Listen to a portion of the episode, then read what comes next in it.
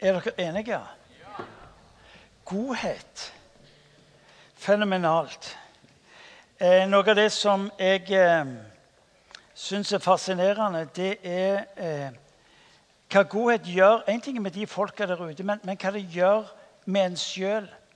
Og jeg vet Jeg tror ikke jeg vet om noe som løser ut så kraftig, så raskt, en reaksjon når folk møter godhet. Ønsker å være en del av godhet. Vi hadde eh, møtte de som ledet arbeidet vårt i Thailand eh, for en 14 dagers tid siden. og, og snakket noe om å starte en bibelskole. Vi kom til å starte en bibelskole, Akta bibelskole i Thailand. Men vi ønska å starte med et bokollektiv hvor vi inviterer inn unge mennesker fra Thailand som skal være en del av denne skolen på sikt. Men for å få det i gang så trengte vi nøkternt sett ca. 50 000 kroner med tanke på hus og type opphold. Og så ønsker vi å utfordre Akta til å ta ansvar for dette. Og I løpet av de 14 dagene så har altså Akta med ulike aktiviteter som misjonsløp, you name it, har klart å samle nesten 100 000 kroner. Vi er i gang med bibelskolen i Thailand.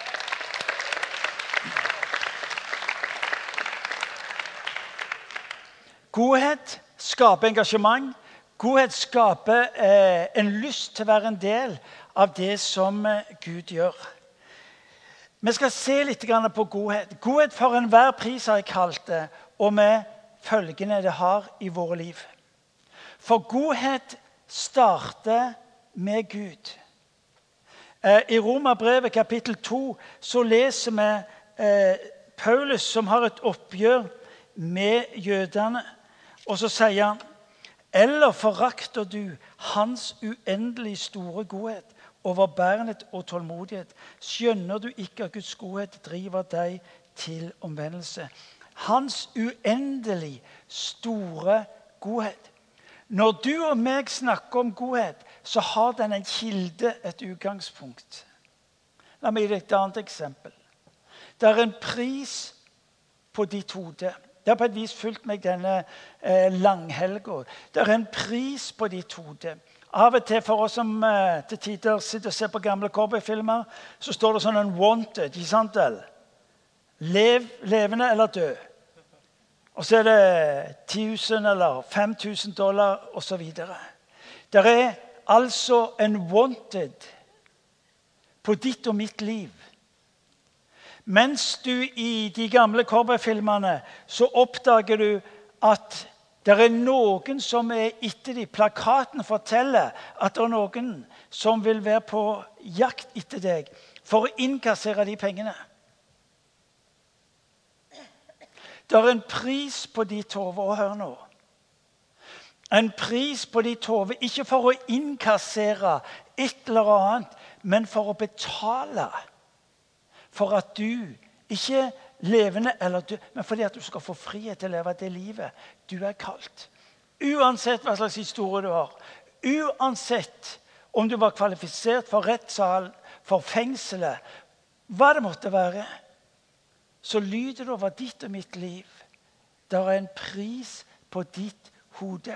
Og så sier Peter i andre Peterbrev, første Peterbrev, og jeg syns det er så sterkt og det er så nydelig. Dere vet at det var ikke med forgjengelige ting som sølv eller gull. Dere ble kjøpt fri fra det tomme livet dere overtok fra fedrene. Det var med Kristi dyrebare blod, blodet av et lam uten feil og lyte. Godhet starter med Gud. Det du og meg får lov til å gjøre til, det er bokstavelig talt å kobles opp til hans godhet for å se den forvandle. Jesus gikk ikke etter de religiøse, de perfekte. Han gikk etter mennesket. Uansett pris, uansett historie, uansett hvem du var, hva du hadde gjort. Og egentlig så stemmer ikke denne Wanted-plakaten. For Jesus kom for å betale. Ikke få betaling, men betale. Ikke med sølv eller gull. Det er mange som tror at hvis jeg bare gjør de rette tingene, betaler med det rette stoffet, så vil jeg gå klar. Og så forteller jeg vet du hva, det hjelper ikke. Det er det, det som betyr noe. Det er at jeg får lov til å betale den regningen. For den regningen er du ikke i stand til å betale sjøl. Du, du, du får ikke det som du fortjener. Nåde gir deg ikke hva du fortjener. Straffen, men hva du ikke fortjener, nemlig friheten. Jesus kom for å betale. Så når du og meg snakker om godhet, så har den et utgangspunkt. Så reises der et kors. Folkens, det reises et kors. Hvor det som skiller mellom menneske og Gud, fjernes, og forbindelsen gjenopprettes. Uansett hva som er din historie. Den prisen som er på ditt hode, den gjelder du har. Han sier, 'Jeg har gjort det fullkomne'. Så blir det for deg og for meg, når vi snakker om godhet, når du hører om at ikke med sølv eller gull, men med hans liv, får du og meg lov til å bekjenne og vite at det han har gjort, det holder. Og Dermed så blir alt egentlig småtterier. Liv for liv. Jeg er kommet, sier Jesus, for å oppsøke mennesket. Deg og meg, alle mennesker. Korsmerka godhet har vi snakket om. En gang til. Dere vet at det var ikke med de forgjengelige tingene, sølv eller gull, men med sitt eget blod. Så det jeg vil du skal ta tak i først nå, det er at når Kirka snakker om godhet, så snakker den om en pris som er betalt fordi det var en pris på ditt hode. Som enten ville ta deg til fortapelsen, eller så ville ta deg til hans herlighet. Han har betalt den. Og han har betalt den én gang for alltid. En gang for alltid. Du er ikke i stand til å redusere betydningen av det, eller forøke den om du vil. En gang for alltid. Himmelens godhetsaksjon elsker jeg å snakke om. Du er nemlig gjenstand for Guds godhet. Hver morgen når du står opp, så lyder det fra Guds ord inn i ditt liv. Bare godhet og miskunnhet skal etterjage deg alle dine, denne, alle dine dager og denne dagen. Paulus sier i første brev i Korintene kapittel 6, 20, dere er kjøpt. Prisen er betalt. Bruk da kroppen til Guds ære. Og så beveger vi oss fra det Gud har gjort mot oss ved Jesus Kristus, til det du og meg skal få lov til å være en del av. Hør, Hver morgen får du stå opp og vite at Gud møter meg med sin godhet. Han har betalt det som hindrer deg i å leve sammen med han. Og så sier han, er Gud da med ditt liv? Hvordan gjør du det? Ved å gi videre av godheten. Det du og meg er kalt til, kokes ned til én ting. Det å la Guds godhet bli tilgjengelig ved ditt og mitt liv. Guds godhet blir ikke tilgjengelig ved andres liv enn ved ditt og ved mitt. Du ærer Jesus og hans døde oppstandelse, oppstandelse ved å gi godheten videre. Godhet starter med Jesus. Ingen bruksanvisning sendte han oss. Han kom sjøl. På samme måten på samme måten er ditt nærvær i, med mennesker godhetens mulighet. La oss ta det litt videre. I Johannes evangeliet kapittel 7, vers 37 leser vi at den som tørster, skal komme til meg og drikke. Den som tror på meg, fra hans indre skal det, som Skriften sier, renne elver av levende vann. Han sier, 'Kom til meg'. Du inviteres til Nei, det er helt feil sagt. Det er umulig å være en Jesu etterfølger om ikke godheten er nødt til å tyte ut i ditt liv. Gjerrige kristne, sure kristne, sinte kristne, misfornøyde kristne er nesten naturstridig. Det er nesten naturstridig. Fordi han har tatt bolig i ditt liv. Når Paulus i Galaterbrevet 5,22 så snakker han om kjærlighet, glede, fred, godhet osv. Hva er det han sier for noe? Han snakker om den frykten som er mulig ved at han har tatt bolig i ditt og mitt liv. Paulus sier 'jeg den ringeste og, og minste av alle' på den ene sida, for så å si 'alt er mulig'. Hvorfor er alt mulig i ditt og mitt liv? Jo, fordi han har tatt bolig. Den som er tørst, fra hans liv skal det, som Skriften sier, renne strømmer av levende vann. Den som tror på Han. Troen rydder plassen. Det er ikke troen som i seg selv er nøkkelen. Troen er bare redskapet for å gi plass til det liv som Gud ønsker å plante i ditt liv. Og ved å få planta det i ditt liv, vet du hva? så begynner vannet å strømme. Og jeg vil du skal få tak i at ordet han bruker, ikke er en, en sånn dråper som kommer derfra. Han snakker ikke om en liten bekk derfra. Han snakker om elver. Elver i flertall. Hvorfor? Fordi perspektivet er ikke hva du er i stand til å produsere, men hva du er i stand til å motta. Å være en Jesu etterfølger er ikke religiøse greier hvor poenget er å få gjort mest mulig. Men det er å få lov til å motta mest mulig. Ser du det? Det var pinsevenn. Jeg har venta på det der. Vi har gjort kristendom til ei greie om hva du er i stand til å prestere, istedenfor å være noe som er snakk om å skulle få lov til å motta. Den som tror på Hva betyr det? Tro betyr å la Gud få lov til å være Gud i livet ditt. Tro lar la Jesus få lov til å være til stede med alt han representerer. Og det er han som sier elver.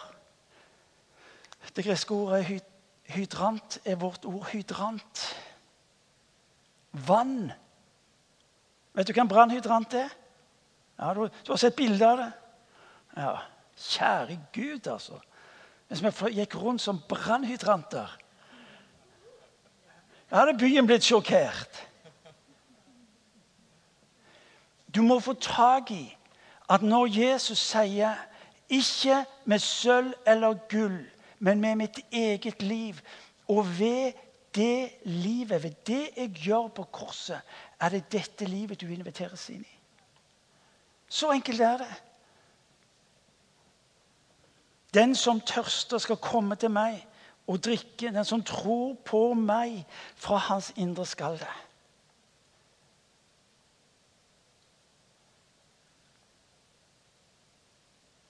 Hadde det nå stått f.eks. at eh, hvis de gjør sånn og sånn og sånn og sånn og oppførte seg sånn Nei, det står ikke det. Det er ikke historien. Det er ikke evnene eller forutsetningene. Det er snakk om én ting. La meg få lov til å være Gud i livet ditt. Det er det han snakker om. Du og meg er fabelaktige på regnestykkene som diskvalifiserer. Som forteller oss at vi ikke kan, ikke duger, ikke holder mål. Og så sier han én ting. La meg få lov til å være Gud i livet ditt. Jeg, eh, jeg eh, snakket med Leif Etland i går kveld. Noen av dere kjenner Leif Hitland. Han, den fyren har levd med permanent smerte de siste åtte til ti årene. Og Elling var sammen med Leif i London i mars måned. Og, Elling sa jeg var sterkt bekymra. For han, han, smertene var så voldsomme at jeg fatta begrep grep ikke hvordan han klarte å være til stede. Og Så forteller Leif at han eh, ble operert fredag for en uke siden etter at han begynte å miste følelsen, og ryggvervler var, var skeive. Og så har han blitt operert for litt over en uke siden, og så spør jeg Leif hvordan går det Og Så forteller han hva legen har gjort, litt, og så sier han at eh, fremdeles er det litt vondt, men jeg tror dette skal gå bra. Men Martin! Og så begynner han å fortelle om Guds godhet inn i det smertehelvetet. Og så begynner han å fortelle om hvordan Gud er han nær når han sier jeg holder på å tippe Én ting er smertene, sa han, men, men, økonomien min, alt det som jeg skal ha kontrollen på. Og så forteller han hvordan han eh, Dette var lørdag. Så forteller han meg hvordan torsdag kvelden om natta ber så sier han, Gud, hva skal jeg gjøre for noe? For han kan ikke reise på ti uker, og økonomien hans er knyttet opp til reisevirksomheten. Og så forteller Leif, så, så er det akkurat som jeg ser Jesus komme inn i rommet mitt, og så ser jeg at han ler. Og så sier han til meg Ja vel, sier han. Jeg, jeg forstår du er bekymra for økonomien, så det er altså ditt ansvar. Ja, Jeg forstår du er litt bekymra for hva som skal skje der ute. Så det jeg egentlig forstår nå, at du, du har tatt eierskap av dette istedenfor å fortsette å være forvalter for det jeg har gitt deg. Det er egentlig det jeg hører du holder på med. det er ikke det. Og så ler han litt. Denne gode latteren. Er du med? Og så er det samtalen min den natten med Jesus hvor han forteller meg men hør Leif, det er jo ikke ditt ansvar. Ditt ansvar er å holde deg nær til meg. Så har jeg lovt at jeg skal fullføre det jeg har begynt i livet ditt.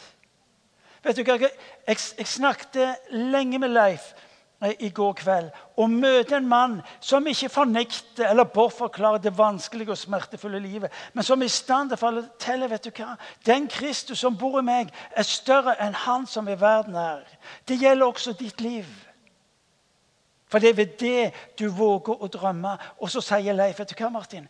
Jeg tror jeg står foran den rikeste tida i mitt liv.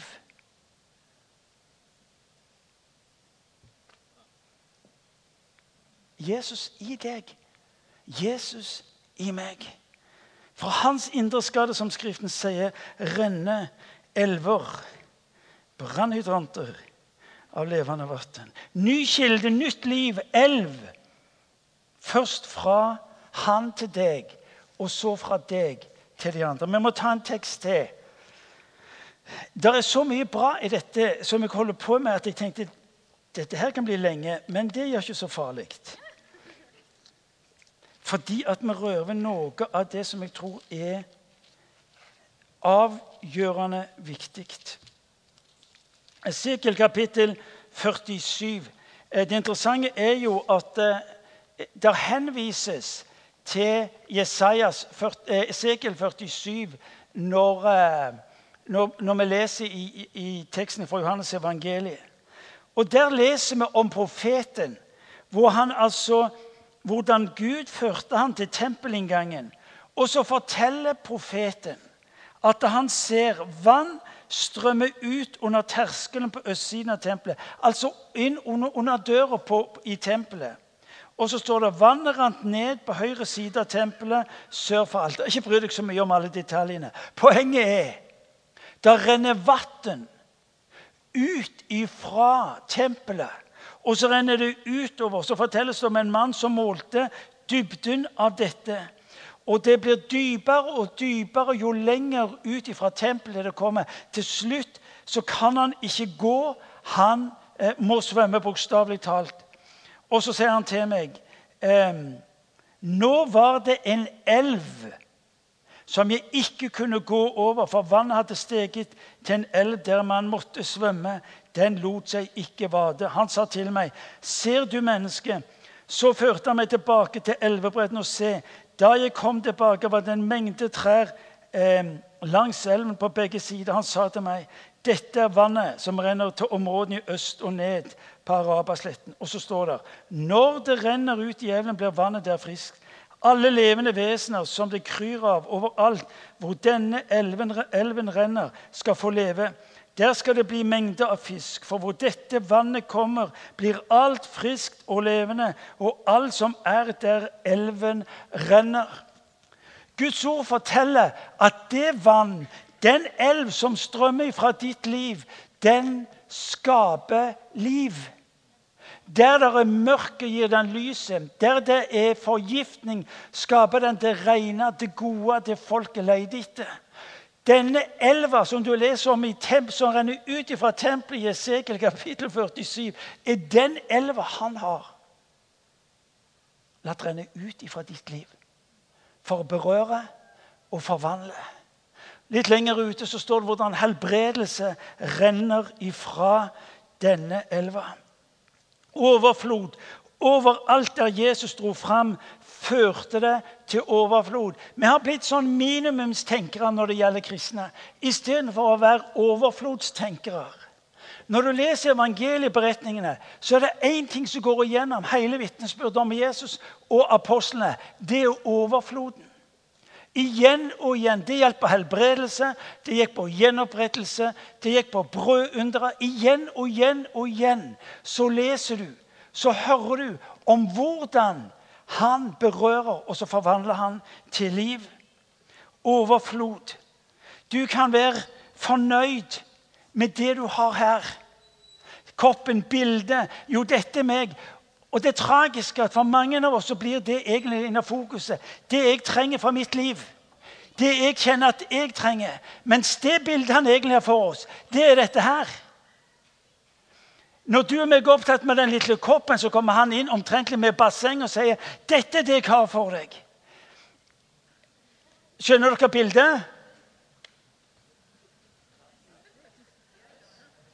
Dere som ikke skjønner bildet, kan dere løfte hånda? Tar ikke sjansen på å være så dum. Nå skal du høre vet du hva som er nøkkelen. Vet du hva som er nøkkelen for deg og for meg? Det er at Hvis du og meg skal få del i det Gud har for oss, så må du våge å begynne å gi ut av det Gud har gitt deg. Hans mål for deg er ikke koppen. Hans mål for deg er dette her. Og enda større. Du og meg tar utgangspunkt i naturlige forutsetninger. Folk sier ja, når jeg bare får orden på livet ditt. Ja, blås i for orden på livet ditt. Start der du er. Han spør ikke hvordan kroppen ser ut. Han spør ikke om den er fin eller om den er stygge, om det er skår. Han sier bare én ting. La meg få lov til å fylle den opp. Og når du begynner å gi ut av det jeg har gitt deg, så blir det som du leste om i Esekiel. Det putla litt i tempelet, men jo lenger ut du kom, jo mer du gir ut, ble det ei elv som bar med seg helbredelse, nytt liv, nytt håp for de mange. Kan du gjøre meg en tjeneste til at når du er opptatt med å fylle opp din lille kopp for det du trenger, for det du skulle ønske hadde sett skje, om alt det som du mener du trenger til, så tenk på den fæle, blå tanken som står i Imi, og så tenker du vet du hva? Det er målet Gud har for mitt liv. Det er det han ønsker å se skal skje i byen. Du og meg er eksperter på det vi ikke har. Vet du, Normalt er det fordi blikket er på oss sjøl, på det vi har og det vi kan og ikke kan. Hvorfor godhet? Du har hørt meg si det. Fordi han bærer godheten inn i ditt og mitt liv, slik at det skal berøre samfunnet. Når elva strømmer ut, som du hørte fra Sekel kapittel 47, så står det at landene ble berørt. Og så står det at helbredelse, legedom, fikk gjøre sin gjerning i dette området. Fordi han er god. Hvorfor godhet? Jo, fordi han er god. Dere har hørt oss si det mange ganger. Mennesker har ikke sagt nei til Gud. De vet bare ikke hvordan han ser ut. Godheten åpner øyne. Godheten gjør om folk mot til å våge å tro. Godheten gjør at folk stopper opp og tenker vet du hva? Er det noe her som jeg ikke riktig skjønner? Eh, godheten forandrer atmosfære. En god venn av meg her i huset forteller hvordan hun på arbeidsplassen opplevde at det var, det var vanskelig, det var anstrengt. Det var ingen god plass egentlig å være. Og så finner hun fram til noe hun vil gjøre, noe hun vil gi ut. Og det er så enkelt og så banalt at det, det er kun en kvinne som kan finne på det der. Og så, og så begynner hun å plassere godhetsuttrykk på arbeidsplassen til kollegene sine. Og så forteller hun at en stund så endres atmosfæren på arbeidsplassen. Vet du hva? Du er en sånn en atmosfæreforandrer, du er en livsforandrer, du er en samfunnsforandrer. Ikke med å være verdens beste taler eller sanger, eller alt hva det måtte være, men rett og slett ved å gi ut. Og når du og meg våger å gi ut mer og mer, så vil du oppdage at noe skjer. Der ligger bokstavelig talt Leif Hetland så full av smerter, så store utfordringer, så mange problemer. Han er opptatt med én ting. Vet du hva, Martin? Jeg får se hvordan Guds godhet begynner å berøre. Han forteller hvordan dette har berørt familien. Han sier Martin, det er helt utrolig. Du og meg kan få være med og bety en forskjell.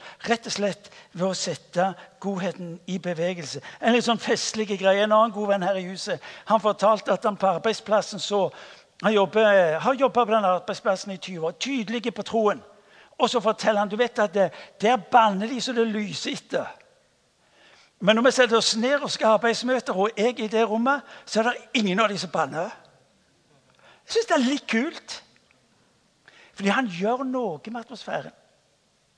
Han gjør noe med omgivelsene. Og det interessante er vet du hva jeg lærer av det? Jeg lærer av mange mennesker som har respekt for troen på Jesus og de sitter og følger han. Vær tydelige, og la godheten få lov til å skifte atmosfæren.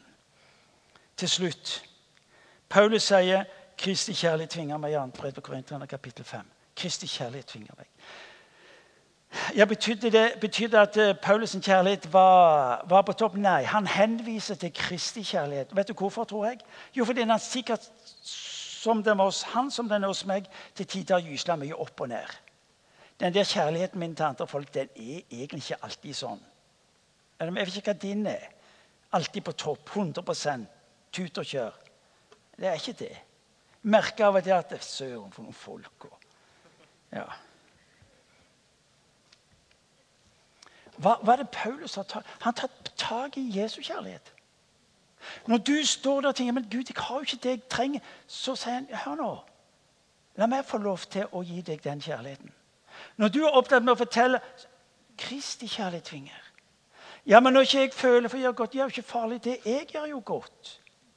Det er folk som går rundt og kjenner på de rette motivene for å vise godhet. Ja, hvorfor det?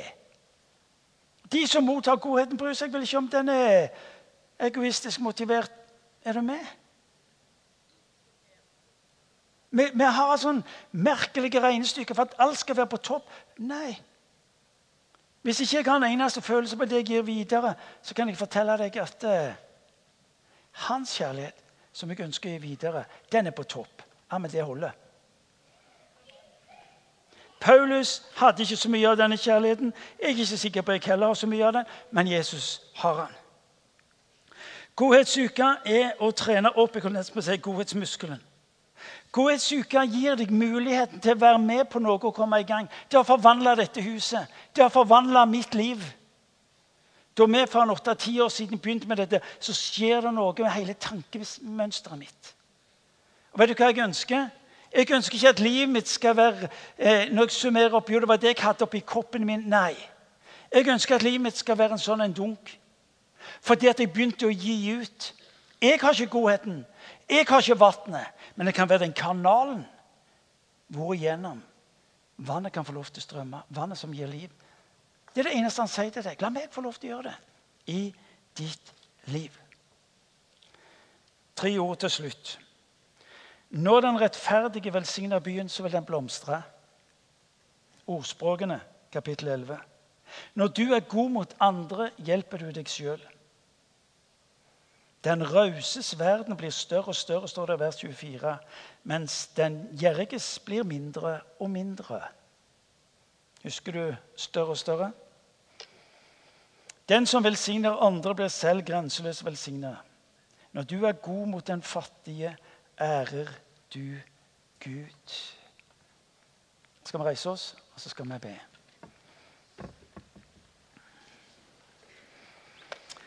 Jeg vil utfordre deg til å sette av denne uka, ikke bare én dag. Du og meg er såpass trege at vi trenger minst en hel uke på å komme i bevegelse for at det skal ha betydning resten av året. Ikke la det bli et minimumsopplegg. En hel uke? Så. Ja, klart det.